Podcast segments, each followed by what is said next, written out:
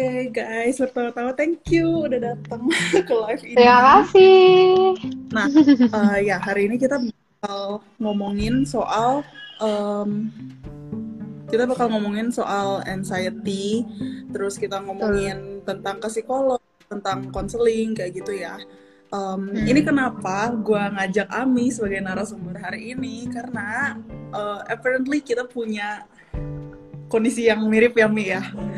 Uh, yes, mirip-mirip kayak jalannya kita beda, terus beda. kayak um, lain beda, tapi uh, kita ada satu kondisi yang mirip dan uh, ya ya itu maksudnya satu kondisi yang mirip aja kita bisa treatmentnya tuh berbeda gitu jadi siapa tahu ya, benar. Uh, di sini yang ngedengar tuh ada yang mirip mungkin aku mungkin mirip Ami gitu ya nanti bisa tanya-tanya ke kita oke okay.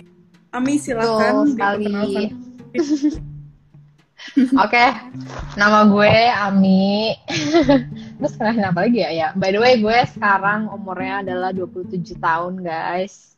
Terus udah sih kalau sekarang gue uh, kerjaannya ngejalanin bisnis sendiri, udah jarang nari by the way. Tapi ya gitu sih ngejalanin bisnis sendiri aja gitu. Terus uh, ini masih perkenalan dulu kan, belum di, di diagnosa kapan belum kan?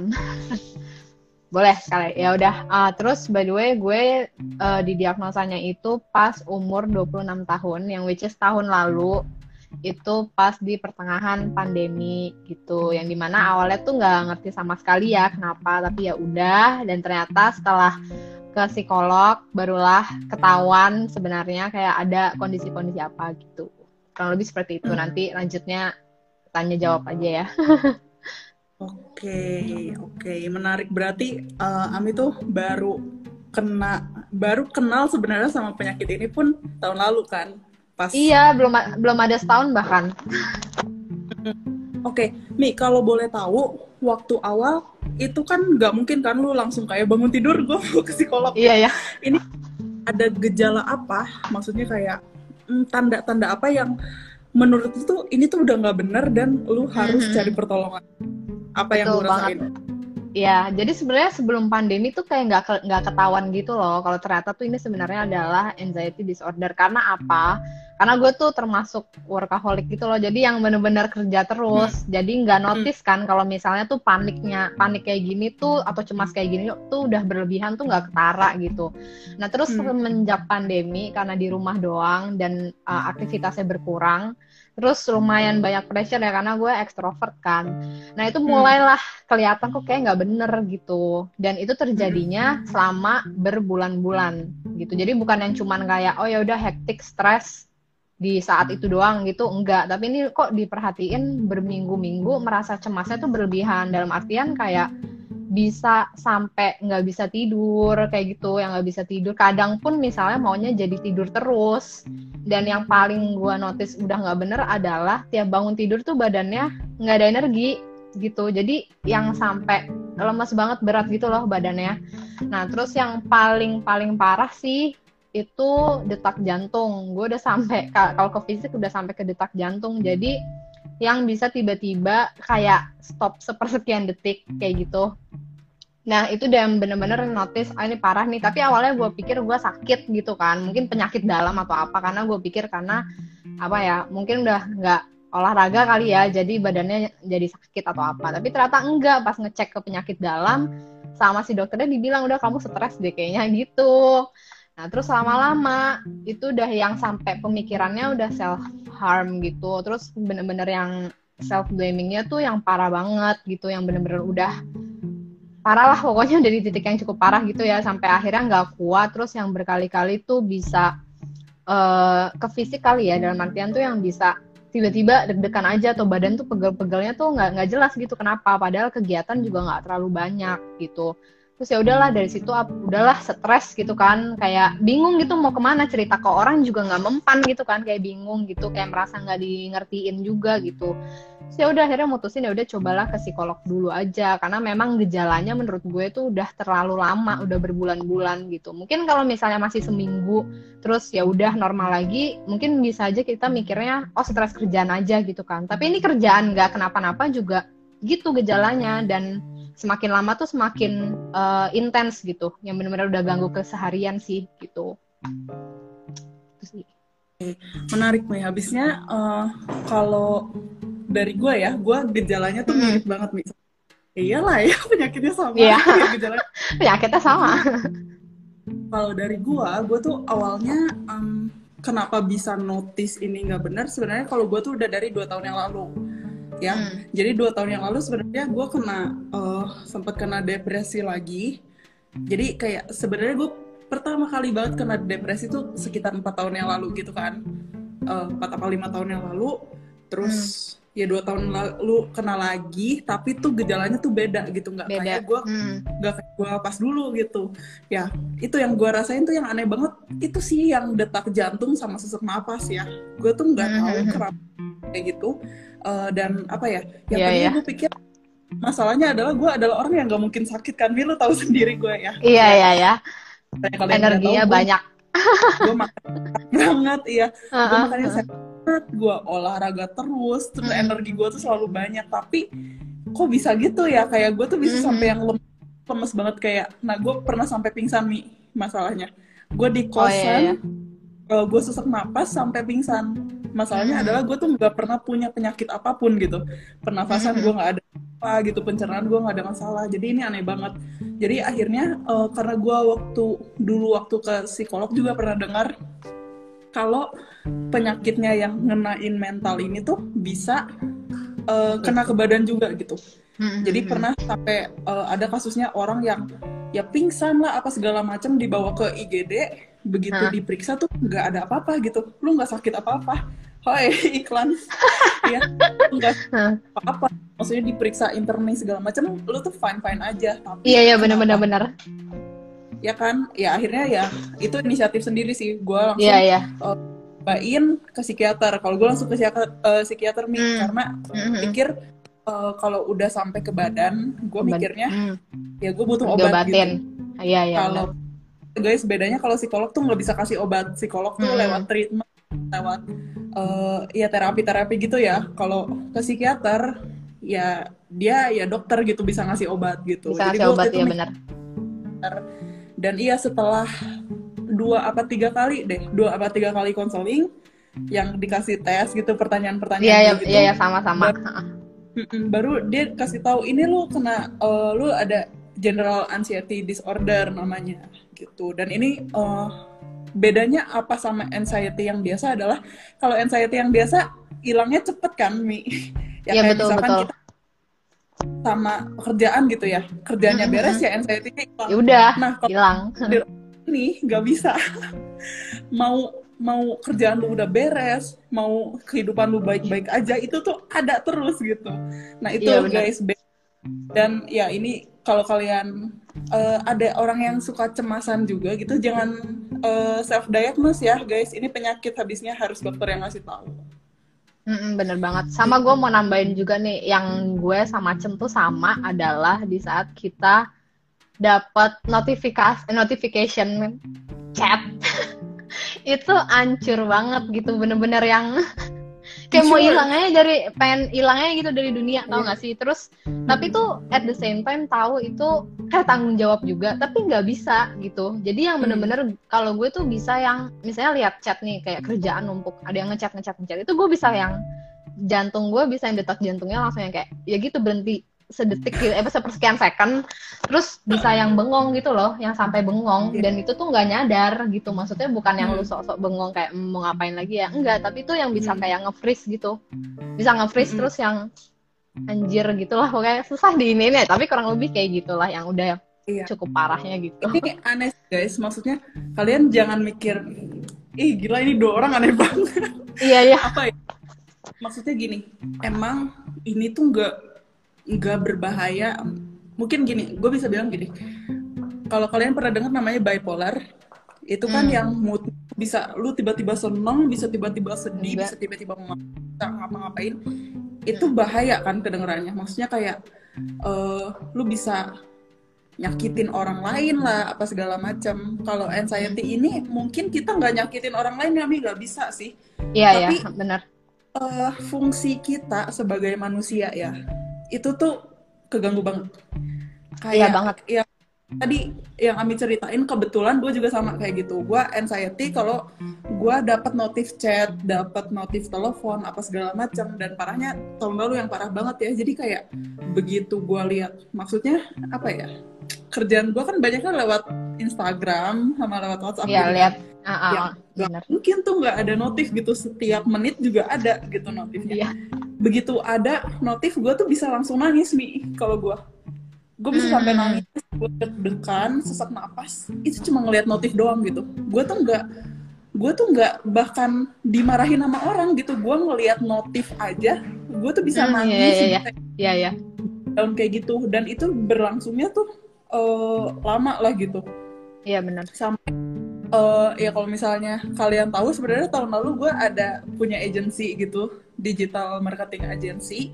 Itu sampai harus gue bubarin karena guanya nggak sanggup lagi gitu. Karena semua orang nyariin gue semua orang eh ya nge WhatsApp dan segala macam. Iya, itu iya, tuh mental gue tersiksa banget. Gue benar-benar kayak pentingnya mental health ya gitu menurut gue gue mendingan ya udah nggak apa-apa gue nggak dapet duit. Yang tapi gue mau hidup normal gitu gue pengen Iya, kayak betul. manusia bisa yang lu tuh bangun tidur tuh nggak pakai takut nggak pakai histeris gitu-gitu loh Itu sih, itu sih. Gue juga gitu bangun tidur tuh bisa yang udah ketakutan duluan. Padahal belum juga lihat HP gue malah. Kayak belum juga lihat Iya. HP. Tapi tuh udah an- anjir mau bangun aja tuh yang udah takut banget gitu. Terus sebenarnya kalau yang Iya. buat soal notif juga mungkin banyak juga yang bilang ya udah ngapain lu bales gitu. Lu santai aja nggak usah lihat. Nggak bisa coy. Kayak gimana ya? Pasti tuh ada reaksi tertentu kayak ada reaksi tertentu gitu loh. Jadi mungkin kita nggak ignore ya. Mungkin kayak Chen bisa bisa sampai nangis, histeris atau gitu. Kalau gue yang nge-freeze gitu, gue bisa nge-freeze, nggak bisa Hmm. kerja seharian sama sekali jadinya gitu. Karena udah kebut udah keburu apa ya kayak panik, cemas banget aja gitu loh. Terus ya Betul. kayak lo bilang juga sih kayak nggak tahu sih itu orang ngechatnya marah kah atau apa ya nggak tahu juga belum tentu juga Hmm. tapi ya gitu kita udah belum buka keburu juga udah belum buka Iya, Heeh, iya, udah iya. udah panik duluan gitu jadi menurut gue sih eh, ya ya sih ini karena kita juga lagi sharing kan ya dan berdasarkan dari pengalaman gue sama Chen juga kalau misalnya kalian ngerasa pengalamannya mirip-mirip ya kayak gue ingetin lagi jangan self diagnose gitu sih.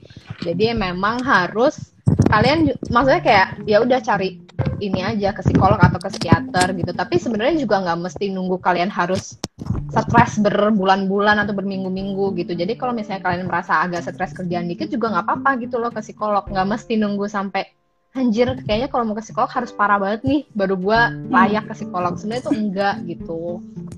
Sih Betul. paling ini umum banget nih karena banyak banget nih yang nanyain ke gua kal eh, Ci, gue tuh pengen banget nih sebenarnya ke psikolog, pengen nanya-nanya Hmm. segala macem. Tapi kayaknya masalah gua nggak penting.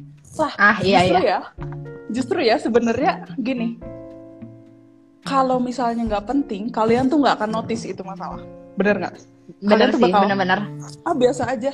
ya Tapi kayak kita lah kalian- iya ya. Kalau kalau kalau kalian udah notice, iya kalian udah notice itu tuh masalah. Ya gue tahu kalau penyakit mental tuh nggak mungkin yang sampai lu tuh sakit demam Iya, iya. sampai kayak gitu. Tapi itu tuh penyakit juga. Kenapa? Karena udah mengganggu ke eh, aktivitas lu sehari-hari. keseharian Gitu. ah bener Kalau gitu sampai sih udah iya, kalau udah sampai lanjut, nge, nge- kalau sampai udah ngeganggu aktivitas kita sehari-hari itu tuh udah nggak benar mau gimana juga gitu. Mau sekecil Yes. apa pun itu. Bener. Gitu. Iya sih itu yang emang sering diingetin juga sih kayak di apa dari psikolog gitu kan kalau misalnya udah ngeganggu keseharian yang bener-bener mengganggu banget sampai nggak bisa beraktivitas kayak mau bangun aja susah mau mandi aja susah mau makan nggak bisa gitu-gitu ya emang harus dicek sih gitu apa em, apa mak- maksudnya kayak ya carilah ke psikolog gitu carilah bantuan yang profesional gitu betul. Oke Mi, ini balik lagi ke em, masalah utama kita si anxiety disorder ini. Ya, kalau tadi kan gue udah sempat cerita dikit tentang kalau treatment gue di psikolog tuh, eh di psikiater tuh ngapain. Ya kalau gue tuh lebih ke obat-obatan ya guys. Gue lebih dikasih kayak obat penenang sama biar bisa karena gue nggak bisa tidur ya, jadi dikasih obat tidur juga ya gitu. Yes. Tapi semuanya harus dengan resep dokter. Oke Mi, kalau lu apa Mi treatmentnya yang si dokter kasih Ah. ke lu? Kalau gue, gue tuh sempet, eh gue tuh pertama ke psikolog dulu kan. Nah, habis itu ke psikolog tuh sekitar du, awal-awal tuh 2 sampai tiga kali. Ya ya sama sih ngisi-ngisi kuesioner dulu, terus udah ketahuan kan, bukan ketahuan sih maksudnya kayak dicurigai nih kayaknya gue ada anxiety disorder gitu kan. Nah, dari hmm. situ gue disuruh brain mapping. Nah, brain mapping hmm. itu tuh bukan treatment ya, tapi lebih kayak untuk ngebaca uh, gelombang otak gitu. Jadi uh, gue ke apa namanya ngambil si brand mapping ini akhirnya buat tahu gitulah ini tuh sebenarnya kenapa. Dari situ ketahuan dan uh, dibacain dulu nih sama si psikiater yang ngebacain gitu. Nah untungnya sih dia bilang uh, so far gue belum apa ya belum butuh obat sih katanya. Maksudnya disuruh coba dulu aja ke psikolog dulu gitu. Karena dia lihat sih hmm. memang cukup parah gitu kan uh, apa hmm. anxiety-nya. Karena kelihatan gitu dari uh, hasilnya kayak ada warna-warna gitu di area hmm. di area otak lah intinya yang menunjukin kalau gue kecemasan tinggi banget gitu. Cuman dia bilang ya udahlah hmm. coba aja dulu ke psikolog. Akhirnya gue lanjut ke psikolog dulu. Nah setelah hmm. itu yang dari psikolog gue so far uh, treatmentnya tuh lebih kayak apa ya disuruh journaling gitu sih kayak bikin jurnal gitu. Jadi hmm. uh, salah satunya tuh awal-awalnya adalah disuruh coba namain emosi karena gue tuh nggak bisa namain emosi gue taunya ya udah gue sedih sedih aja gitu gue nggak hmm. tahu kalau misalnya tuh perasaan sedih yang ini tuh lebih oh gue tuh sedihnya karena kecewa ternyata oh gue sedihnya karena misalnya gue gagal ngelakuin apa gitu jadi nggak nggak agak susah gitu gue namain emosinya itu karena apa sedihnya hmm. nah dari situ pelan pelan gue ngejurnal terus habis itu juga ada latihan nafas jadi dikasih tahu coba deh latihan nafas terus sama meditasi. Nah itu sih so far yang cukup membantu gue ya. Kalau gue sih kayak gitu maksudnya suka hmm. mm, melakukan meditasi. Tapi gue lebih ke sleep meditation karena sehari-hari selalu udah hektik jadi ya udah malam aja. Dan itu lumayan hmm. menenangkan sih. Jadi pagi jadi akhirnya tidur lebih enak sih kalau gue ya gitu. Kalau hmm. lu mungkin butuh ini kan apa sih obat ya buat bisa apa namanya tidur gitu. Kalau gue sih so far cukup membantu dengan si sleep meditation itu. Terus juga hmm. gue disuruh uh, apa ya kayak disuruh uh, gue itu kan karena karena kecemasannya tinggi salah satunya itu karena gue merasa gue tuh not good enough gitu. Itu salah satu reason gue kayak kenapa gue merasa uh, cemas banget gitu. Nah makanya uh, psikolog gue tuh bilang, coba deh kamu tuh tulisin uh, 5 banding satu. Limanya itu adalah goodnya kamu apa, maksudnya strengthnya kamu apa. Terus satunya itu ya udah kamu lagi saat itu tuh lagi merasa apa gitu. Jadi misalnya gue lagi kusut banget nih hari ini, coba hmm. langsung fokus ke tulisin 5 banding satu gitu. Itu sih so far hmm. lumayan membantu gue ya. Jadi nggak nggak latihan uh, untuk gue supaya nggak nyalahin diri terus gitu. Karena hmm. efek dari si anxiety ini kalau misalnya dia lagi kumat, gue tuh self blaming parah banget gitu loh yang akhirnya gue jadi self harm gitu. Hmm. Nah, jadinya pelan-pelan gue coba maksa melakukan itu emang susah banget sih kayak yang tadinya selalu ngejelekin diri sendiri tapi suruh bagus-bagusin gitu kan. Jadi kayak aneh gitu buat gue. Nah itu gue lak kayak aneh gitu loh maksudnya emang gue bagusnya apa gitu. Gue kayak gue merasa aneh melakukan itu tapi lama-lama bisa. Nah, kalau gue sih kurang lebih kayak gitu ya sama salah satu eh, sama ada lagi gue disuruh untuk latihan bikin boundaries gitu. Jadi hmm. latihan buat take a break, Chan. gimana coba? Kan gimana? kan kayak jadi gini guys, kayak yeah. misalnya karena gue sama Chen mirip ya. Jadi tipe-tipe kita nih disuruh berhenti kerja kagak bisa. Mana stress. ada nggak bisa, stres banget kita gitu. diam stres. Kita mau uh -uh. kerja daripada diam. Uh -uh Bener, kerja pun juga stres lihat notif, serba salah kan jadinya. Nah, ya, ya, ya. jadi kayak orang di sekeliling gue pun juga bilang, ya udah, lu take a break aja dua jam dulu gitu atau apa malamnya, jadi lu tenang gitu. Apaan gitu? Itu itu bener-bener gue berbulan-bulan berbulan-bulan untuk bisa melakukan itu, Chen. Jadi misalnya hmm. nih, misalnya nih gue tidur jam 12 malam misalnya ya. Jam 10 teng hmm. gue nggak boleh ngurusin kerjaan sama sekali kan susah hmm. kan? Sementara gue nih sementara gue kan bisnis keluarga nih ya. Jadi masih tinggal hmm. bareng orang tua juga. Jadi tuh kadang kalau misalnya malam-malam jam 11 tahu-tahu ada masalah apa gitu kerjaan atau perlu apa itu tuh gue bisa di, bisa kayak jam 11 malam gue diketok ngomongin kerjaan gitu. Jadi kan udah kebiasaan. Hmm. tapi gue disuruh take a break gitu kan. Paling enggak dua jam dua sehari gitu kata psikolog gue. Wah stres sih susah. Cuman lama-lama bisa akhirnya bisa ngeset boundaries dan akhirnya juga orang-orang sekitar tuh juga ngerti gitu Hmm. gue sih Hmm. kalau gue sih kurang lebih kayak gitu ya terus eh, sama satu lagi nih gue disuruh kurangin load kerjaan jadi maksudnya lakukanlah kerjaan yang menurut lo saat itu tuh lo mampu gitu. Jadi jangan terlalu keras gitu loh ke diri sendiri. Hmm. kan kayak kayak agak susah gitu ya. Memang harus dipaksa sih. Kalau gue sih tipe Mm-mm. treatmentnya kayak gitu ya. Jadi mau nggak mau lo harus kerjain gitu. Dan Mm-mm. untungnya sih eh, si apa eh, psikolog gue ini gimana ya? Kayak gue cocok banget sama dia dan dia tuh Hmm. ngerti gitu loh nger- ngerti banget kondisinya dalam artian dia bisa ngasih approach yang sesuai sama gue Hmm. jadi Hmm. itu gampang buat gue untuk oh ternyata begini ya. Oh ternyata gue tuh Hmm. begini ya gitu. Kadang kan kalau cerita sama orang, walaupun maksudnya sama nih kayak ke psikolog nih tujuannya, tapi kita nggak ngerti gitu kan kayak Iya, iya. emang iya apa gitu. Tapi kalau ke psikolog dikasih Hmm. tahu tuh, oh gini oke ya udah. Emang susah sih sebenarnya treatmentnya karena ini kan balik lagi lu mau apa enggak kalau ini kalau yang Hmm. treatment gue ya gitu. Gue sih kurang lebih kayak gitu ya treatmentnya. Hmm. Gitu. Oke, menarik menarik. Itu membantu. Emang eh, rata-rata kalau misalnya kita ke psikolog ya, psikolog mana pun pasti semua eh, yang pertama adalah nyaranin journaling. Ini nih guys, kalau misalnya kalian emang belum pernah ke psikolog juga, tapi kalian pengen cobain, journaling ini sangat-sangat membantu, even ke gua. Tapi eh, emang orang-orang kan beda-beda ya eh, gayanya. Ada Yes. yang seneng nulis kata-kata, Mhm. ada yang seneng ngegambar, ada yang seneng bikin lagu dan segala macam.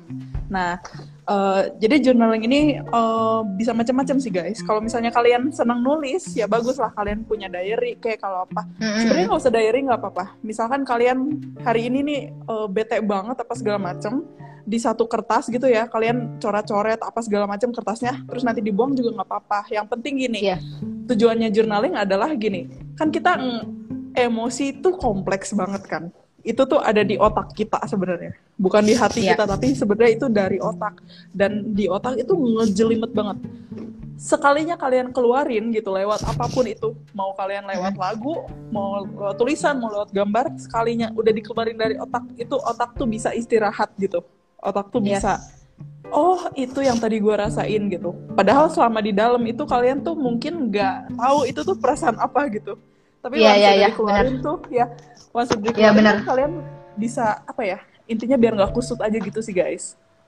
Mm-mm, itu benar, ngebantu benar. banget journaling. Oke. Yes. Kalau gitu, next ini pertanyaan favorit semua orang nih. Biayanya berapa sih kak?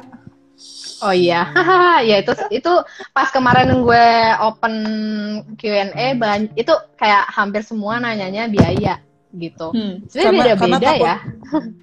Takutnya kayak Karena takut mahal yang- atau gimana. Oh. Sebenarnya gue juga dulu awal takutnya mahal gitu sih sebenarnya. Cuman karena Hmm. memang udah kondisinya ya udahlah gue udah nggak sanggup lagi gitu loh. Jadinya ya udahlah gitu kan. Diada-adain Hmm. aja gitu. Terus Hmm. eh, kalau ini dari gue gue dulu nih. Hmm. gue dulu ya kalau gue itu dari awal biayanya adalah 500.000 ribu per satu jam tapi Hmm. karena memang masa pandemi atau gimana gue nggak ngerti itu akhirnya gue 500.000 ribu itu untuk dua sesi itu kalau gue Hmm. ya gitu kalau gue kalau Mm-mm. ini kan kebetulan si Arya kan juga konseling nih. Kalau dia beda Hmm. lagi karena dia Oh. eh, istilah karena dia masalahnya dan tipe orangnya tuh nggak kayak gue. Maksudnya kayak lebih Hmm. gampang dikasih tahu. Akhirnya waktunya kan lebih singkat ya. Nah dia tuh 500 ribu bisa untuk 2 sampai tiga sesi. Jadi biaya itu sebenarnya Hmm. tergantung dari masalah masing-masing juga. Gimana kita juga nangkepnya gimana gitu loh. Jadi belum tentu sama gitu biayanya menurut gue sih gitu ya kalau kata orang-orang juga since gue baru ke satu psikolog belum pernah ke yang lain karena baru Oh, sekali oke. itu udah langsung cocok jadi gue nggak bisa bedain gitu gitu kalau itu hoki loh, segitu. Mi. nah itu, itu dia hoki loh. itu, itu dia karena banget. Kalau karena kemarin kalau juga ada yang orang lain biasanya biasanya bisa 3 sampai 4 psikolog gitu loh baru cocok. Hmm, orang soalnya lain. itu kemarin juga ada yang DM gue, dia bilang aku tuh masih nyari-nyari psikolog yang cocok. Jadi ini udah yang kayak nyari yang mau kedua apa keberapa nggak ketemu yang pas gitu online. Oh ya by the way Hmm. gue ke psikolognya online ya karena dari pandemi pas tahun eh apa tahun lalu, Tahun lalu. sekitar bulan Juni apa Juli lah kemarin tuh Hmm. gitu. Dan sampai sekarang masih ke psikolog yang sama. hmm. gitu oke okay. kalau misalnya dari gimana? gua kalau gua kan udah dari lima tahun lima tahunan yang lalu lah ya ke psikolog gitu itu benar sih beda-beda mulai dari uh, yang tiga ratus ribu satu satu sesi ada gitu ke psikiater uh, eh, gue yang cocok ini 1,2 juta satu jam ya itu beda-beda sih guys. Uh, psikiater hmm. psikolog apa tuh hmm, banyak banget faktornya. Tapi kalau misalnya gue bisa kasih rata-rata ya mungkin uh, gue bisa kasih tahu gini. Rata-rata kalau misalnya ke psikolog atau yang psikiater kayak gitu bisa mulai dari 300 ribuan sampai eh, tujuh ratus delapan ratus ribu lah rata-rata ya banyaknya. Iya benar-benar rata-rata segitu.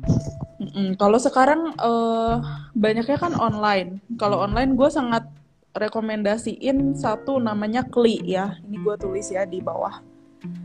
Nah kalau uh, ke Kli ini uh, gue cocok banget teman-teman gue yang nyobain ke situ juga cocok banget kalian bisa pakai kode gue biar dapat diskon juga boleh kli cena kli cenace ya uh, hmm. itu tuh mulai dari seratus ribu guys dan itu tuh beda gini kayak kalian uh, psikolognya tuh ada tiga tingkatan intinya jadi ada yang prakteknya tuh antara 1 sampai 3 tahun, ada yang 4 sampai 7 tahun sama ada yang 7 tahun ke atas udah prakteknya dan hmm. itu harganya pasti beda.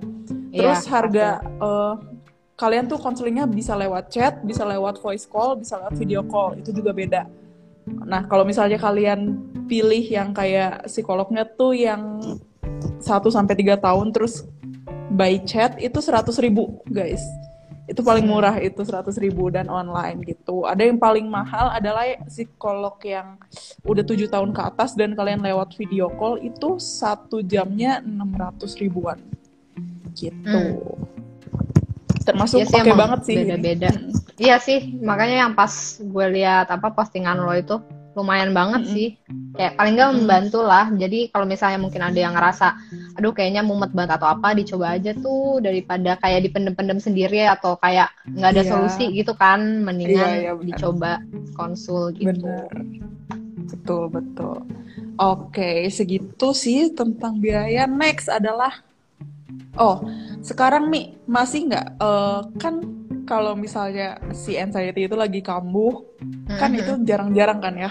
Tapi yeah, yeah. Uh, sekarang ini ada nggak treatment apa yang masih lu lakukan sampai sekarang? Dan uh, keadaan sekarang tuh gimana mi? Yang sekarang lu rasain setelah konseling dan lain-lain? Ya, uh, jadi kalau yang pas tahun lalu itu gue konsulnya tuh kayak dua minggu sekali mungkin setelah eh mungkin selama beberapa bulan ya tiga empat bulan kayaknya gue uh, dua minggu hmm. sekali lah. Nah kalau sekarang hmm. itu gue mungkin bisa sebulan sekali atau enggak dua bulan sekali gitu. Dan hmm. emang udah jarang banget sih uh, apa sih yang sampai kusut banget gitu maksudnya ya. Nah kalau misalnya sekarang treatment apa yang masih gue lakuin itu hmm, jurnal sih masih ya tapi jarang banget sih. Karena kan harus nulis hmm. gitu. Gue kayak rada malas nulis gitu. Cuman ya gue rada males nulis gitu. Tapi gue ganti gue balik nih. Karena gue nggak bisa hmm. ngomong di uh, buku gue ngomong ke diri sendiri gitu. Jadi uh, dulu tuh gue nggak bisa ngomong ke diri sendiri. Gue nggak bisa ngevalidasi hmm. perasaan perasaan gue tuh nggak bisa gitu. Nah sekarang gue udah bisa ngevalidasi di, apa perasaan sendiri. Jadi misalnya kayak gue lagi udah mulai kerasa nih cemas atau enggak udah mulai kayak gemeter atau apa gitu itu sih biasanya gue langsung ngomong ke diri sendiri. Jadi misalnya kayak ya udah nggak apa-apa. Nggak apa-apa lu lagi ngerasa gini. Emang lu lagi merasa kesel tapi ngomong ke diri sendiri ya gitu. Memang lu lagi merasa kesel. Nggak apa-apa diterima dulu aja gitu gitu tapi jadinya kayak lebih cepat reda gitu. Memang hmm, sebenarnya yeah. pas treatment memang sebenarnya pas yang tahun lalu itu sempat dikasih tahu sama psikolog gue juga uh, coba ngomong ke diri sendiri gitu. Jadi misalnya hmm. emang lagi merasa nggak uh, lagi merasa kurang baik gitu emos apa uh, emosinya atau lagi merasa capek atau apa coba kamu ngomong sama diri sendiri. Dulu nggak bisa sekarang udah bisa gitu. Hmm. nah uh, itu yang sering banget gue lakuin sih sekarang. Karena kan apalagi kadang suka ya gitulah gue masih suka panik sih kadang-kadang kalau ngeliat chat ya tapi hmm. nggak hmm. separah dulu gitu jadi misalnya nih udah aduh bau baunya kayaknya bakal kumat nih gitu tapi gue udah bisa hmm. langsung ngomong ke diri sendiri untuk nenangin gitu hmm. jadi nggak mesti harus nulis gitu tapi udah langsung ngomong aja gitu ke diri sendiri dan so far itu masih it works ya buat gue terus hmm. sama gue masih melakukan uh, sleep meditation juga tapi hmm. jarang karena udah nggak separah dulu kalau dulu tuh susah banget tidur terus atau hmm. Pikirannya ke mana-mana. Ini enggak sih. Jadi kadang pun gue kalau udah parah banget sleep meditation tapi yang guided ya. Jadi yang uh, dengerin hmm. orang ngomong kayak gitu, di YouTube ya, gitu sampai, ya? Uh -uh, gitu. Spotify juga ada gitu. Jadi kayak ya udah gue tidur sambil dengerin tapi latihan nafas. Or kalau hmm. misalnya gue seenggak mood itu udah yang males lah mau dengerin itu juga males gue langsung tidur tapi uh, ini sih apa namanya kayak meditasi. Dalam artian uh, perhatiin nafas gitu loh. Jadi kayak kayak meditasi biasa tapi nggak usah pakai suara apa apa gitu jadi lebih ke latihan hmm. nafas sampai ngantuk aja gitu hmm, dan itu sih so far cepet banget sih buat gue hmm. terus kondisi sekarang yang paling gue notice udah jarang banget uh, yang tiba-tiba detak jantung berhenti sejenak gitu hmm. udah hampir nggak yeah, iya. pernah yeah. hampir nggak hmm. pernah terus uh, apa ya kayak bangun pagi tuh badannya nggak se lemas biasanya. Kalau yang pas tahun lalu tuh literally berbulan-bulan gue kayak gitu nggak bisa bangun gitu. Kalau ini tuh udah lebih ada energi lah gitu. Soalnya gue juga udah bisa uh, bikin boundaries kan sama misalnya kayak oh udah udah overload nih udah parah. Gue bisa uh, take a break sebentar gitu. Sekarang udah lebih hmm. bisa untuk dengerin mental gitu dengerin kebutuhan kayaknya nih hmm. udah udah ada sinyalnya nih gue udah mulai ini nih nggak nggak sanggup nah ya udah gue coba hmm. berhenti gitu terus gue sekarang juga udah uh, lebih bisa gimana ya ya udah lebih bisa nerima aja sih kalau misalnya memang lagi melakukan sesuatu yang salah uh, ya udah diterima aja gitu atau misalnya ada orang yang marah atau apa ya udah gue terima aja gitu ya udahlah gitu. hmm. gitu udah bisa ya udahlah kalau dulu tuh nggak orang marah sama gue gue self blamingnya parah banget. Gitu loh. Oh. jadi uh, dan yang paling ketara juga uh, udah nggak terlalu berisik di kepala gue. Kalau dulu tuh banyak banget suara-suara entah suara dari mana intinya yang uh, istilahnya kayak suara-suara negatif gitu loh. Entah misalnya kayak ya udah lu mah emang pantas untuk ngelukain diri lo lu tuh nggak guna gitu gitu loh. Gitu. Jadi hmm. dulu tuh pernah yang sampai sampai bener-bener gini saking berisik banget hmm. gitu kadang aja bahkan gini gue lagi nggak ngapa-ngapain atau misalnya kayak aktivitas biasa biasanya dia misalnya lagi mandi atau apa gitu ya tiba-tiba ada hmm. aja gitu suaranya dan gue tuh bisa hmm. sampai kayak gini gitu kayak berisik banget woy gitu kayak berisik hmm. banget sampai kayak gitu udah stop stop sampai bisa kayak gitu kalau sekarang sih udah hmm. hampir nggak pernah sama sekali uh, dan itu sih gue rasa karena ya treatment treatment yang gue lakuin selama tahun kemarin juga gitu loh dan pelan pelan ada hasilnya sekarang gitu. Emang harus sabar sih sebenarnya ya karena mungkin ada yang ngerasa kok gue udah tiga kali empat kali ke psikolog gue nggak lega? Kok gue nggak nggak ini ya nggak nggak merasa membaik? Jangan kayak gitu sih sebenarnya ya emang harus sabar karena karena setiap orang itu beda-beda uh, masalahnya dan hmm. struggle-nya dan kemampuannya tuh beda-beda. Jadi coba diikutin aja dulu gitu so far sih kayak gitu ya hmm. kalau gue Oke. Okay. Kondisi saat Gini Mi, misalkan, misalkan waktu lu dulu ya, waktu lu belum ke psikolog gitu pas lu kusut-kusut, hmm. let's say nilainya adalah 100 gitu. Hmm nol adalah nol adalah yang tenang banget 100 tuh yang kusut banget mm-hmm. setelah ke psikolog rata-rata berapa nilai lu sekarang kalau yang sekarang ya gila hmm. kalau sekarang mungkin bisa dibilang 30-40 kali sekitar uh. segitu karena kalau kalau di titik yang sekarang ya di titik yang sekarang yeah. loh yang hmm. saat ini sekitar segitu hmm. sih karena kalau sekarang gue lebih notice sinyalnya Chen gue hmm. udah lebih bisa kayak ini kayaknya udah ada bau-baunya nih terus yeah, gue iya, langsung yeah. udah bisa deteksi gitu, sendiri kan -uh. Dan mungkin kalau misalnya orang marah gitu ngapain sih lo istirahat gini gini gini gini lo masih banyak gini gini gue udah kayak iya. kayak bye udah bisa yeah, gitu yeah, yeah. gitu sama -sama. dan kalaupun gue melakukan kayak ya udah bye gitu tapi gue apa ya nggak nggak yang self blaming kayak ah lu kan belum kerja. Kalau dulu mah gitu kan ya berhenti ah lu belum Hmm. kerja cukup keras gitu. Masa lu istirahat? Kalau sekarang sih udah. Perkataan itu. Iya sering banget kan Aduh, ada ya. kata-kata kayak gitu gitu. Kalau sekarang sih alhamdulillah banget udah eh, lebih bisa notice sinyalnya that's why gue bisa bilang mungkin di 30 40 gitu kalau sekarang ya. Hmm. Hmm. gitu ya untung ya benar-benar sih gue mirip banget sih Mi sama lu Em, apalagi maksudnya kalau treatment Oke, alhamdulillah ya gue udah lepas obat dari bulan April kemarin. Kan kalau misalnya ke. Jadi kalau misalnya ke psikiater guys eh, lama-lama itu obatnya tuh turun dosis turun dosis tiap Hmm. dua bulan sekali gitu. Jadi kayak pas awal mungkin kita dikasih let's say 8 obat gitu. Dua bulan lagi tuh bisa jadi enam obat. Nanti dua bulan lagi empat Hmm. obat. Nanti dua obat baru stop gitu. Jadi nggak bisa Oh, yang oke. kayak eh gue lagi kusut nih gue 8 obat. Nanti gue lagi nggak kusut nggak usah minum obat. Nggak bisa kayak gitu. Iya iya iya iya kalau psikiater harus harus apa ya harus rajin sih harus tetap diikutin kayak gitu. Gitu sih. Kalau gue sekarang ya mirip lah mi. Kalau kalau bisa dibilang gue sekarang 30 lah gitu. Gue gue juga udah udah benar-benar eh, yang bisa bodoh amat gitu sama kata-kata orang nggak sih Iya, kalau iya. sama kata-kata orang sebenarnya gue emang bodoh amat guys tapi Iya. gue nggak bisa nggak bisa banget tuh sama kata-kata sendiri gue juga Iya iya. karena mirip ya sama Ami gue juga workaholic gitu dari dulu gue udah terbiasa apa apa tuh harus kerja kan jadi Yes. kalau misalnya gue lagi nganggur aja dikit ya dulu tuh gue nggak bisa nah gini kalau kalian tanya film ke gue gue nggak ada yang tahu kenapa gue gue nggak pernah nonton movie gue nggak pernah eh, nonton dari internet gue bener-bener nggak pernah se nggak pernah itu nonton gitu sekarang gue udah bisa kayak hari ini gue nggak mau kerja gue mau Netflix gitu Sama Iya. banget asli. Iya kan? Jadi kayak kalau orang, orang tahu itu Avenger, Avenger, gue tuh belum pernah nonton Avenger gitu. Kayak percuma lu ngomong sama gue gitu. Sekarang gue udah Iya, iya, bisa, gue udah subscribe Netflix, gue bisa kayak gue bener-bener udah bisa ngatur gitu. Misalkan nih dalam satu minggu, gue eh, pokoknya hari Rabu sama hari Jumat gue mau off. Tiap hari Rabu sama hari Jumat gue pokoknya cuma mau olahraga sama nonton film gitu.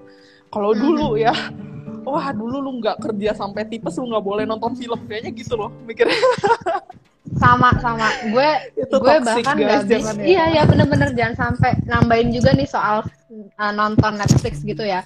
Gue mungkin kalau Hmm. ke bioskop gue masih ya, tapi gue tuh selama perjalanan uh, misalnya kayak lagi jalan di mall atau apa, gue gini mulu. Nggak bisa paham, paham. lepas nggak bisa lepas Iya, gitu iya. even even gue misalnya nih lagi jalan sama si Arya gitu kan. Atau misalnya di Hmm. mobil deh gitu. Gue sering banget dimarahin karena lu bisa nggak sih lepas HP sebentar aja gitu? Maksudnya kayak Ah, lagi kan ini lagi dia lagi cerita misalnya atau apa. Ini gue tuh yang kayak Iya, oh iya. iya. oh iya gitu. Karena sepanik itu paham. geng. Paham, paham, Maksudnya paham, ini- paham. Tapi Iya. kalau misalnya kalian kayak gini bukan berarti kalian bukan berarti Iya, kalian jangan disorder gitu ya guys Ah-ah. jangan jangan langsung jangan langsung kayak anjir anjir parah jangan kayak gitu cuman ini salah satu doang sih salah satu apa sih gejala di gue ya. gitu ya Mm, gejalanya. dan itu gejala di gue kayak gitu dan sama lah kayak lo misalnya dulu mau nonton Netflix aja tuh rasanya ah masa sih nonton gitu mau nonton Iya. walaupun nonton nih ya walaupun nonton otak gue ke mana-mana betul betul. Enggak gue gue tuh dulu sampai sampai gini mi. Sampai kayak eh, nggak apa-apa. Gue mau paksa pokoknya hari ini gue mau nonton itu Netflix nyala. Gue pegang HP sama. wah. Sampai akhirnya kayak gue tuh baru nyadar tuh kayak satu jam berikutnya ya. Eh gue gua nggak- ya ini ini gue apa nggak nonton kan iya iya iya sampai kayak gitu. Dan itu nggak baik ya guys. Workaholic itu nggak baik. Maksudnya kayak kalian rajin bekerja itu baik tapi kalian workaholic itu nggak baik. Ya dengerin kalian wanita-wanita ambisius. Saya tahu kalian nonton di sini. Ya. Iya iya. Jangan sampai mental kalian rusak gara-gara itu. Iya, Oke. emang harus tahu harus tahu ini batasnya sama gimana caranya buat take a break gitu. Kalau kalau kita mah dulu buset dah, boro-boro. Susah Mm-mm. banget mau take a break aja gitu. Even nonton 15 Iya. menit aja gua nggak bisa gitu dulu. oh iya iya iya mau nonton YouTube pun harus sambil kerja gitu nggak bisa Betul sekali. nonton gitu Iya, itu gua ya itu guys gitu banget. Makanya eh, ini nih sekalian ngingetin lagi buat kalian yang lagi nonton. Emang ini kelihatannya kecil ya Mi ya? Kayak sekadar main eh, HP atau apa. tapi apa bedanya ini uh, yang normal sama yang udah disorder adalah kalau yang udah dia disorder tuh uh, kitanya sampai nggak bisa kontrol diri gitu. Kita tuh di bawah alam sadar yes. pegang HP, pegang Bener. HP. Yeah. Itu bukan kita yang mau loh. Itu bukan kita yang mau. Tapi kalau kita nggak pegang HP, kita tuh bisa sampai cemas banget gitu. Iya. Yeah. Itu yang yeah. bedain dan mm -hmm. jangan kalau ini kalau kalau kalau ya ini mah semoga enggak cuma kalau kalian tuh ada yang kayak gitu juga itu tuh udah nggak bener guys ada mm -hmm. baiknya langsung dikonselingin gitu mm -hmm.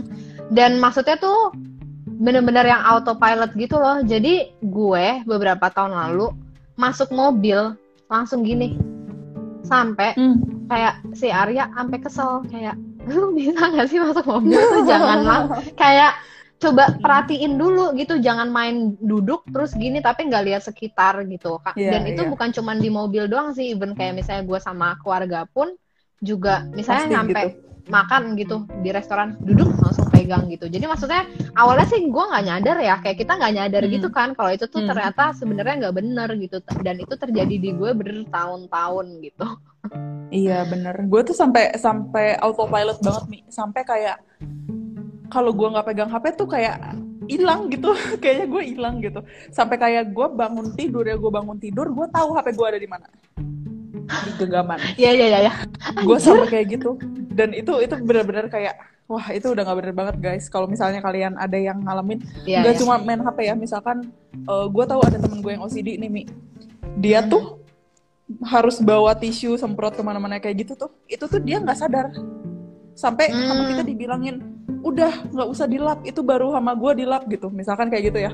Dia baru oh oh gue lagi ngelap gitu loh. Bisa sampai kayak gitu.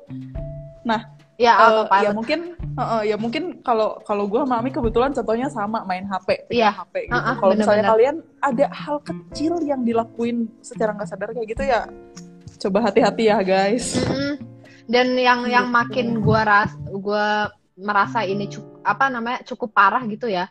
Nggak ada notif apa-apa nih gue cari aja gue dadain gitu kesan ke sana gitu. Bukan diadadain ya. Maksudnya kayak dicari-cari aja dicari aja gitu. Yeah, yeah, yeah. apa ya kayak apa ya padahal misalnya lima menit yang lalu gue baru beresin notif gitu.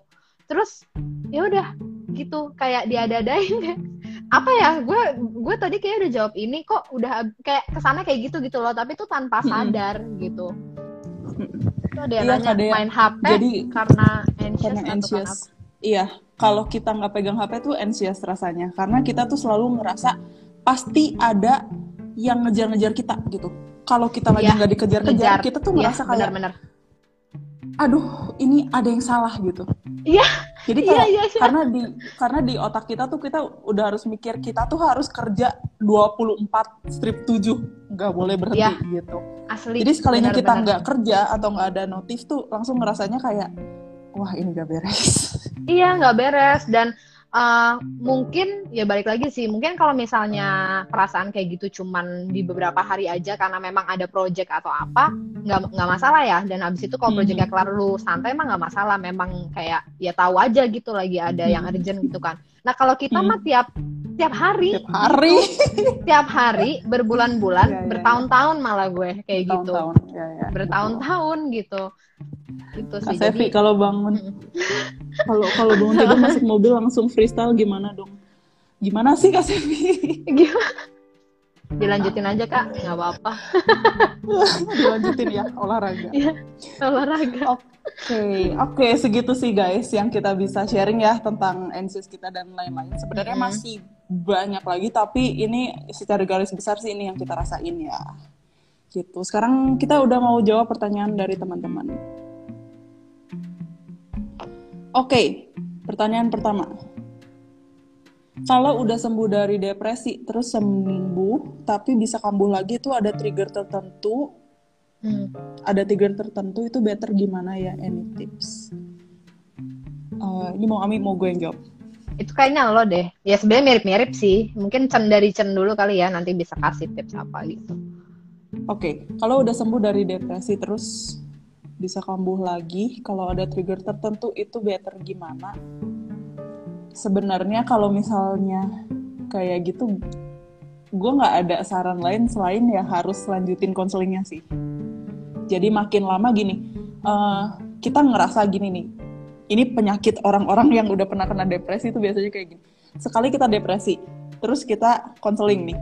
Terus kita ngerasa udah nih udah sembuh kita udahlah nggak perlu lagi nih konseling konseling apa segala macam tapi itu tuh kita tuh sebenarnya sekali kena tuh jadi rentan gitu sama trigger hmm. apa pun itu semakin rentan gitu jadi ya menurut gua hal yang paling baik adalah tetap lanjutin konselingnya bisa kontrol terus-terusan gitu. Hmm. Misalkan ya nggak usah tiap minggu lah ngapain juga, tapi ya sebulan sekali tetap kontrol gitu ke psikolog yang sama. Jadi gini, um, ya balik lagi manusia kan kompleks banget ya, dan psikolog itu emang ada ilmunya gitu. Dia tuh belajar hmm. tentang manusia gitu. Jadi manusia. kayak misalkan bulan ini kita udah konseling nih, bulan depan kita konseling lagi, ternyata tuh uh, kita mengalami apa-apa-apa yang kita tuh nggak sadar gitu Nah, si psikolog tuh bisa bantu, oh kayaknya ini deh, kamu tuh harus kurangin ini, kurangin itu. Kan dia yeah, lebih yeah, ngerti yeah. lah ya, ngapainnya.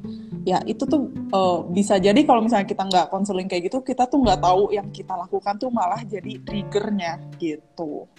Jadi baiknya adalah emang kalau misalnya udah konseling ya lanjutin lah konseling. Kalau misalnya lu merasa hidup lu bener-bener baik-baik aja ya dua bulan sekali mah nggak apa-apa dong gitu. Mm -hmm. Kalau nggak sebulan -hmm. sekalipun gitu.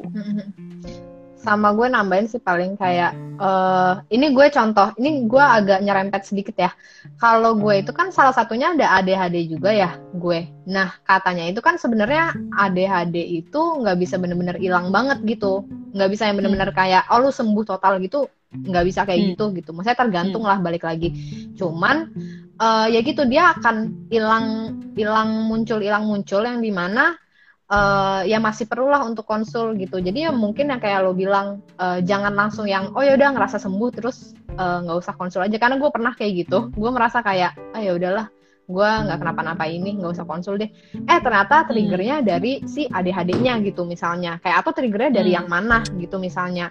Jadi emang sama aja kayak ke dokter sih ya. Kayak misalnya lu udah Betul. kayak misalnya lu ada penyakit dalam apa gitulah. Misalnya udah dibilang sembuh atau apa, tapi kan tetap lu suka disuruh kontrol ya untuk ngecek hmm. misalnya ininya kenapa atau ininya gimana kondisinya. Jadi jangan yang benar-benar langsung lepas gitu aja gitu sih. Betul.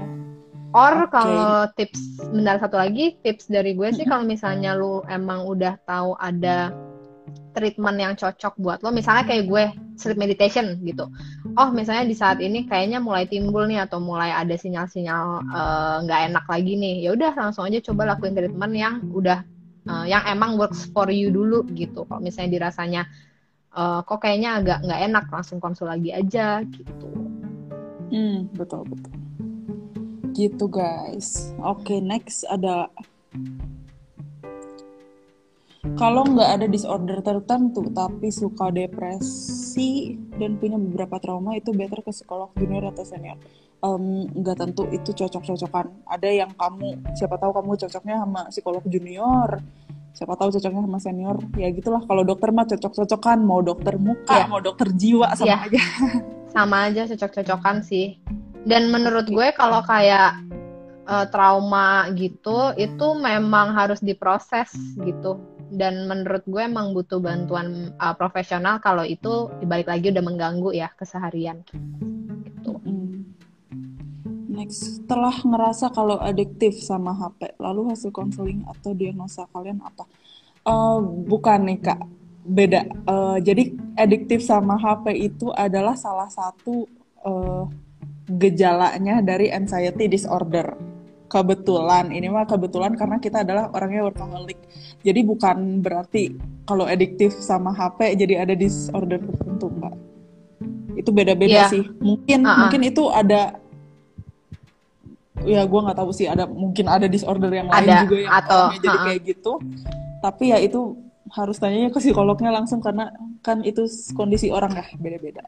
Plus juga itu terlalu general ya kayak misalnya adiktif sama HP ya zaman sekarang orang juga megang HP apa-apa lihat Instagram gitu. Maksudnya itu kan case-nya beda makanya memang harus diomongin sama uh, yang profesional dulu. Jadi jangan langsung kayak ah anjir gue ini nih apa namanya pegang-pegang HP mulu ketagihan terus lihat HP gitu jangan langsung diagnose itu sih tapi mungkin kalau lu merasa itu terganggu cobalah konsul gitu supaya tahu itu sebenarnya memang elunya aja yang nggak bisa berhenti main HP kah atau memang ada kondisi lain kayak gue sama Chen gitu misalnya gitu sih Oke, okay, next. Ini mungkin Ami yang jawab deh. How to deal with anxiety disorder yang yang leads kita to suicide thoughts dan hmm. gimana cara kontrolnya?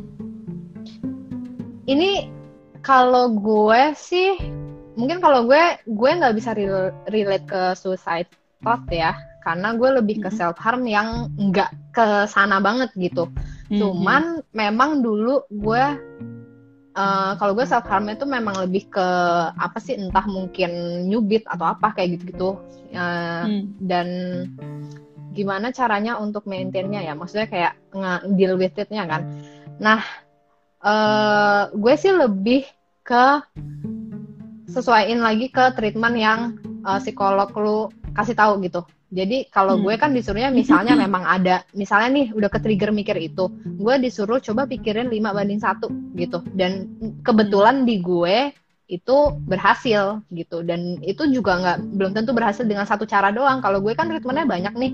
Disuruh jurnal suruh ini itu yang di mana gue memang harus rajin lakuin. Kalau misalnya uh, kalian udah ke psikolog sampai tiga kali empat kali tapi kalian gak ngerjain PR-nya itu nggak akan ada perubahan gitu loh. Maksudnya kayak kalau lu nggak lakuin ya ya akan terus berpikir seperti itu terus gitu. Jadi balik lagi kalian mau atau enggak memang enggak nyaman gitu. Tapi harus dijalanin dan gimana gue ngekontrolnya kalau yang sekarang nih ya kalau sekarang sih jujur gue udah jarang banget ada pikiran itu tapi pas hmm. uh, mungkin beberapa bulan lalu kali ya uh, mungkin tiga tiga empat bulan lalu itu mungkin sesekali masih ada once hmm. itu lewat gue lebih ngomong ke diri sendiri dalam artian ngomongnya tuh hmm, ya udah nggak apa-apa kamu lagi merasa kayak gini diterima dulu kalau misalnya emosi lu lagi kayak gitu diterima dulu aja. Karena itu mungkin saat itu adalah bagian dari lu nih saat itu gitu. Jadi coba diterima dulu aja emosinya.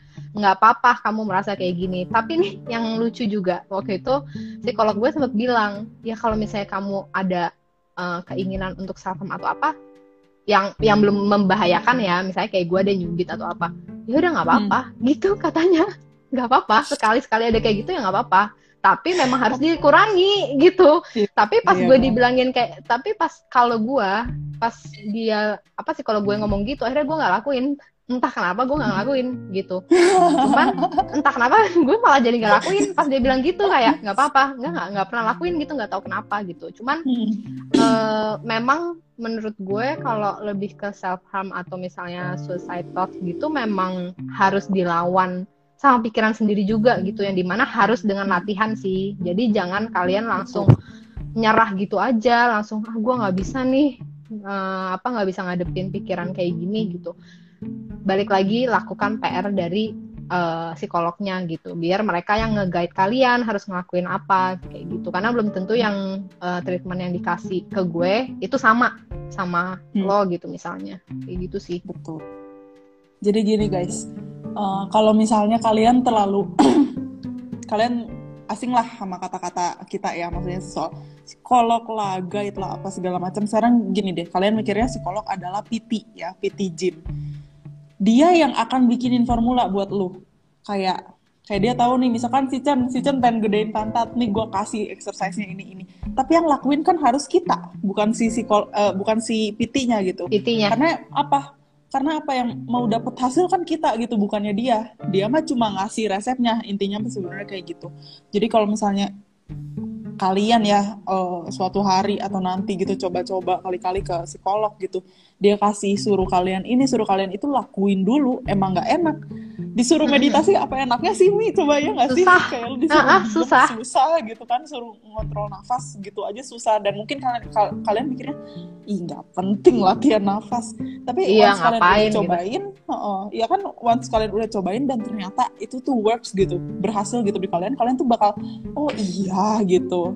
Ya dulu dulu kenapa uh, gue nggak lakuin ini sih? Bakal kayak gitu loh gitu. Iya dan PR bener-bener. Dan uh, by the way dari yang treatment-treatment yang dikasih gitu kalau psikolog gue sih dia nggak terpaku kayak misalnya uh, kamu harus ngomong ke diri kamu tuh ngomong kayak gini loh aku nggak apa-apa aku baik-baik aja gitu. Gue nggak bisa jujur kalau gue gue nggak bisa ya ngomongnya dengan kalimat itu. Tapi psikolog tuh lebih open sih kayak ya udah kamu coba lakuin ini tapi dengan cara kamu mana yang kamu nyaman Nah, nextnya nih misalnya lu konsul lagi, dia akan ini loh kayak akan nanya gimana cara yang kemarin cocok atau enggak. Nanti kalau misalnya dirasa kurang cocok, dia akan uh, nge-suggest cara yang lain. Jadi menurut gue memang uh, konsul yang rutin dulu gitu di awal-awal.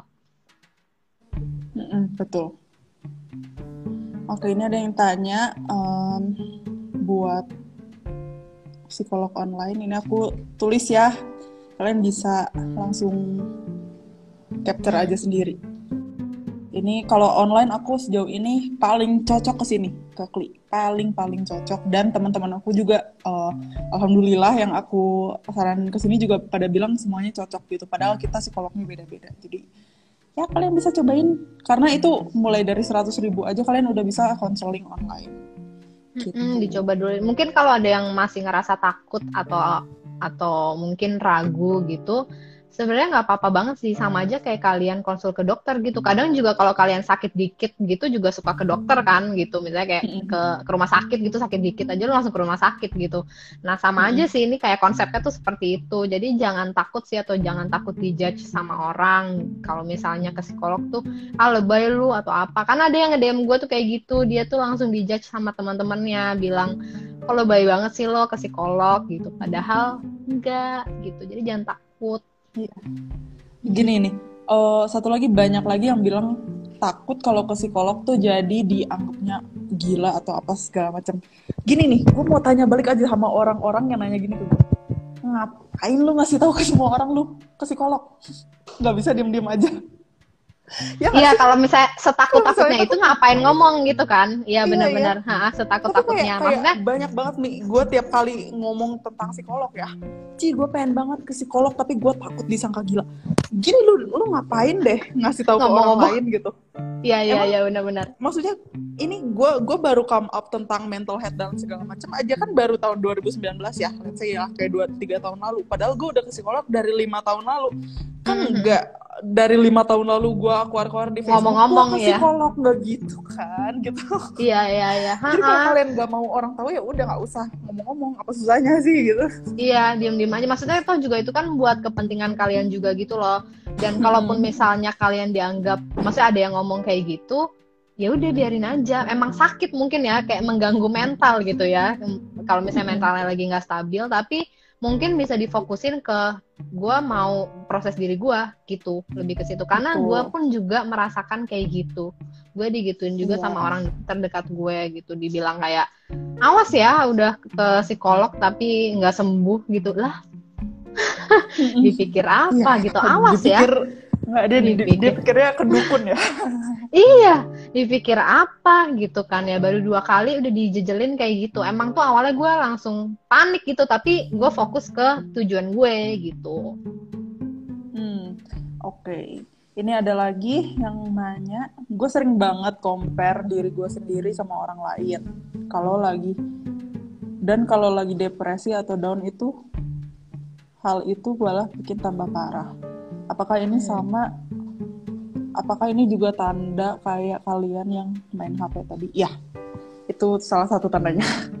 Itu indikasi kecil. Jadi kayak yang kecil-kecil ini nih misalkan kayak pertama ya yang kayak kita yang kita main HP mm-hmm. atau kayak kita iya, tiba-tiba yeah, ada suara atau kayak lu tiba-tiba jadi suka ngebanding-bandingin diri atau apa itu tuh anggap aja kayak batuk gitu Iya, itu iya, tuh bener, batuk kan bisa jadi indikasi banyak penyakit kan. Lu bisa sakit paru-paru lah, bisa cuma batuk biasa lah, biasa, bisa apa gitu. Tapi kan balik lagi uh, itu adalah tanda kecil gitu, bukan bukan apa bukan ya dia nggak bisa melambangkan nah, satu satu iya gitu kan. iya benar-benar jadi memang memang langsung konsul aja kalau udah merasa itu apa namanya mengganggu uh, gitu. kalau apalagi kalau apalagi kalau yang udah berlebihan maksudnya membandingkan diri sama di sama orang lain tuh ya wajar lah kita pasti ada kayak gitu gitu kan. Tapi ya seberapa parah efeknya ke uh, perasaan lu kayak emosi lu gitu. Kalau yang udah sampai down sampai gimana sampai banding bandingin terus berkali-kali gitu ya harus konsul sih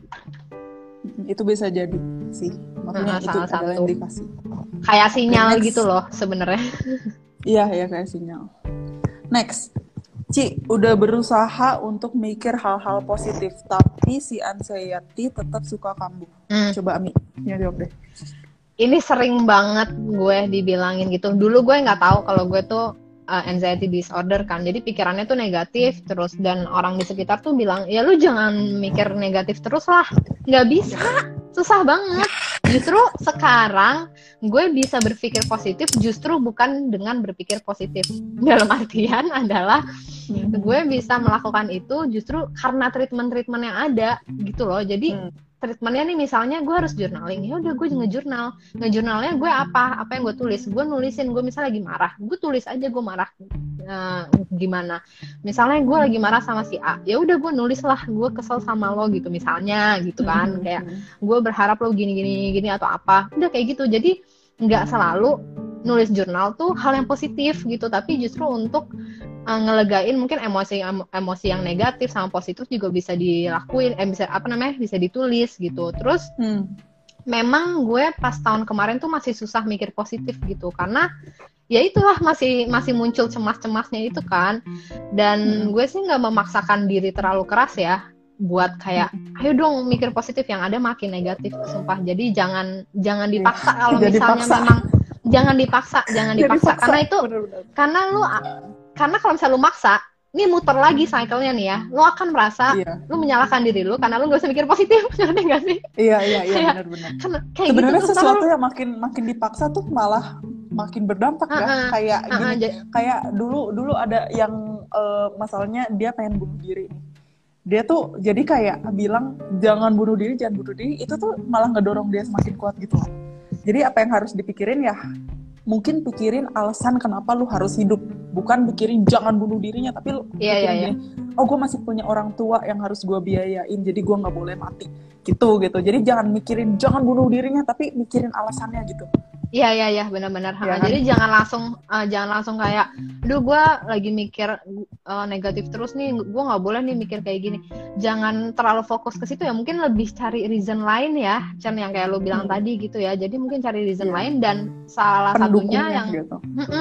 mungkin di luar dari si pikiran negatif itu gitu. Terus uh, salah satunya juga yang ngebantu terima di welcome dulu gitu. Kalau misalnya lu memang lagi negatif pikirannya coba di welcome. Dan itu memang susah memang susah untuk menerima karena gue merasa kayak gimana caranya nerima sih perasaan lagi negatif masa diterima gitu gitu. Karena kita sama ini taunya positif tuh yang baik itu yang harus diterima gitu kan. Tapi ternyata dengan gue melakukan konseling dan ad, apa dikasih tahu cara caranya dan di guide gue mulai ngerti ini cara yang nerima tuh gimana gitu. Mungkin nanti uh, untuk yang bertanya tadi uh, lo bisa coba ditanyakan ke psikolog lu gitu misalnya ya kalau memang lagi merasa kesulitan di sana gitu. Supaya di guide dengan cara yang cocok sama lo gitu. Mm -mm. betul. Oke okay. wow kita udah sejam. Oke, ini satu pertanyaan lagi terakhir ya, gue jawab. Uh, di titik mana akhirnya kita bisa tahu kita butuh ke psikolog?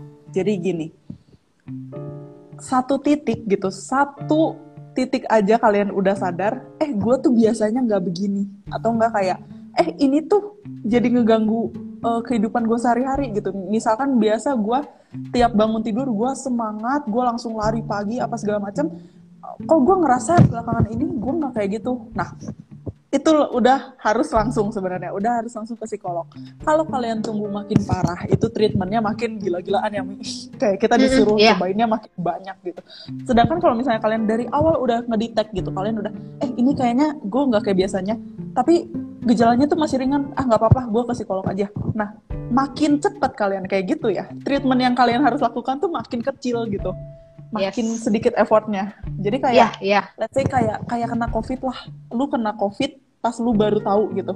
Eh, gue kayaknya covid nih, langsung dites langsung positif, oh, obatin segala macam. Tapi kalau kalian udah tahunya mungkin kayak dua minggu setelahnya, pas kayak uh, udah wah, udah, udah parah lah atau gimana? Pas lah, udah apa itu kan ya susah nanti kalian jadi butuh oksigen butuh apa. Sedangkan kalau kalian dari awal udah tahu kalian ya mungkin cuma disuruh minum obat flu kali ya atau apa gitu.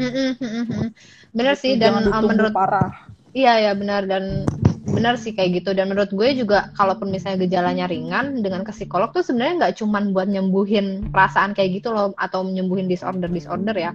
Tapi juga ngebantu lo untuk ngenalin diri lo gitu. Jadi uh, konsul ini tuh juga bisa ngebukain mata lo oh ternyata lo tuh orangnya kayak gini ternyata lo tuh uh, lo tuh bisanya yang begini lo lo nggak bisa kalau ada trigger ini tuh lo langsung gini kayak gitu. Jadi ngebukain banget sih sebenarnya tuh betul. Ya jadi intinya emang gitu ya guys. Penyakit mental tuh tricky. Kenapa? Emang karena yeah. fisik kita nggak ada yang sakit. Kita bahkan kadang nggak sadar ya kita lagi sakit mental. Tapi once gini uh, once kalian udah sadar ini tuh bukan diri kalian yang biasanya.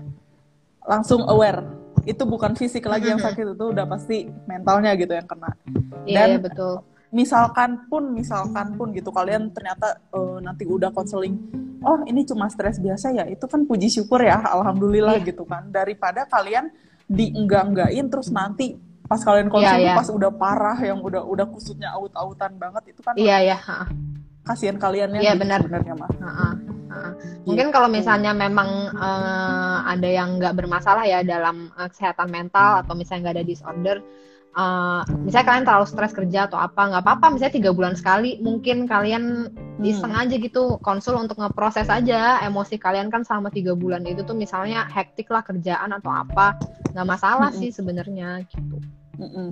ya gitu sih guys uh, itu Hmm, ya dikit sih namanya dari yang Ami tadi ya itu salah satu kenapa gue bisa kena mental gitu sebenarnya gitu karena gue terlalu sibuk sampai gini gue marah sama orang aja gue tunda ah gue sibuk? Gue lagi sibuk gue nggak nggak sempet dulu marah gitu di chat atau apa.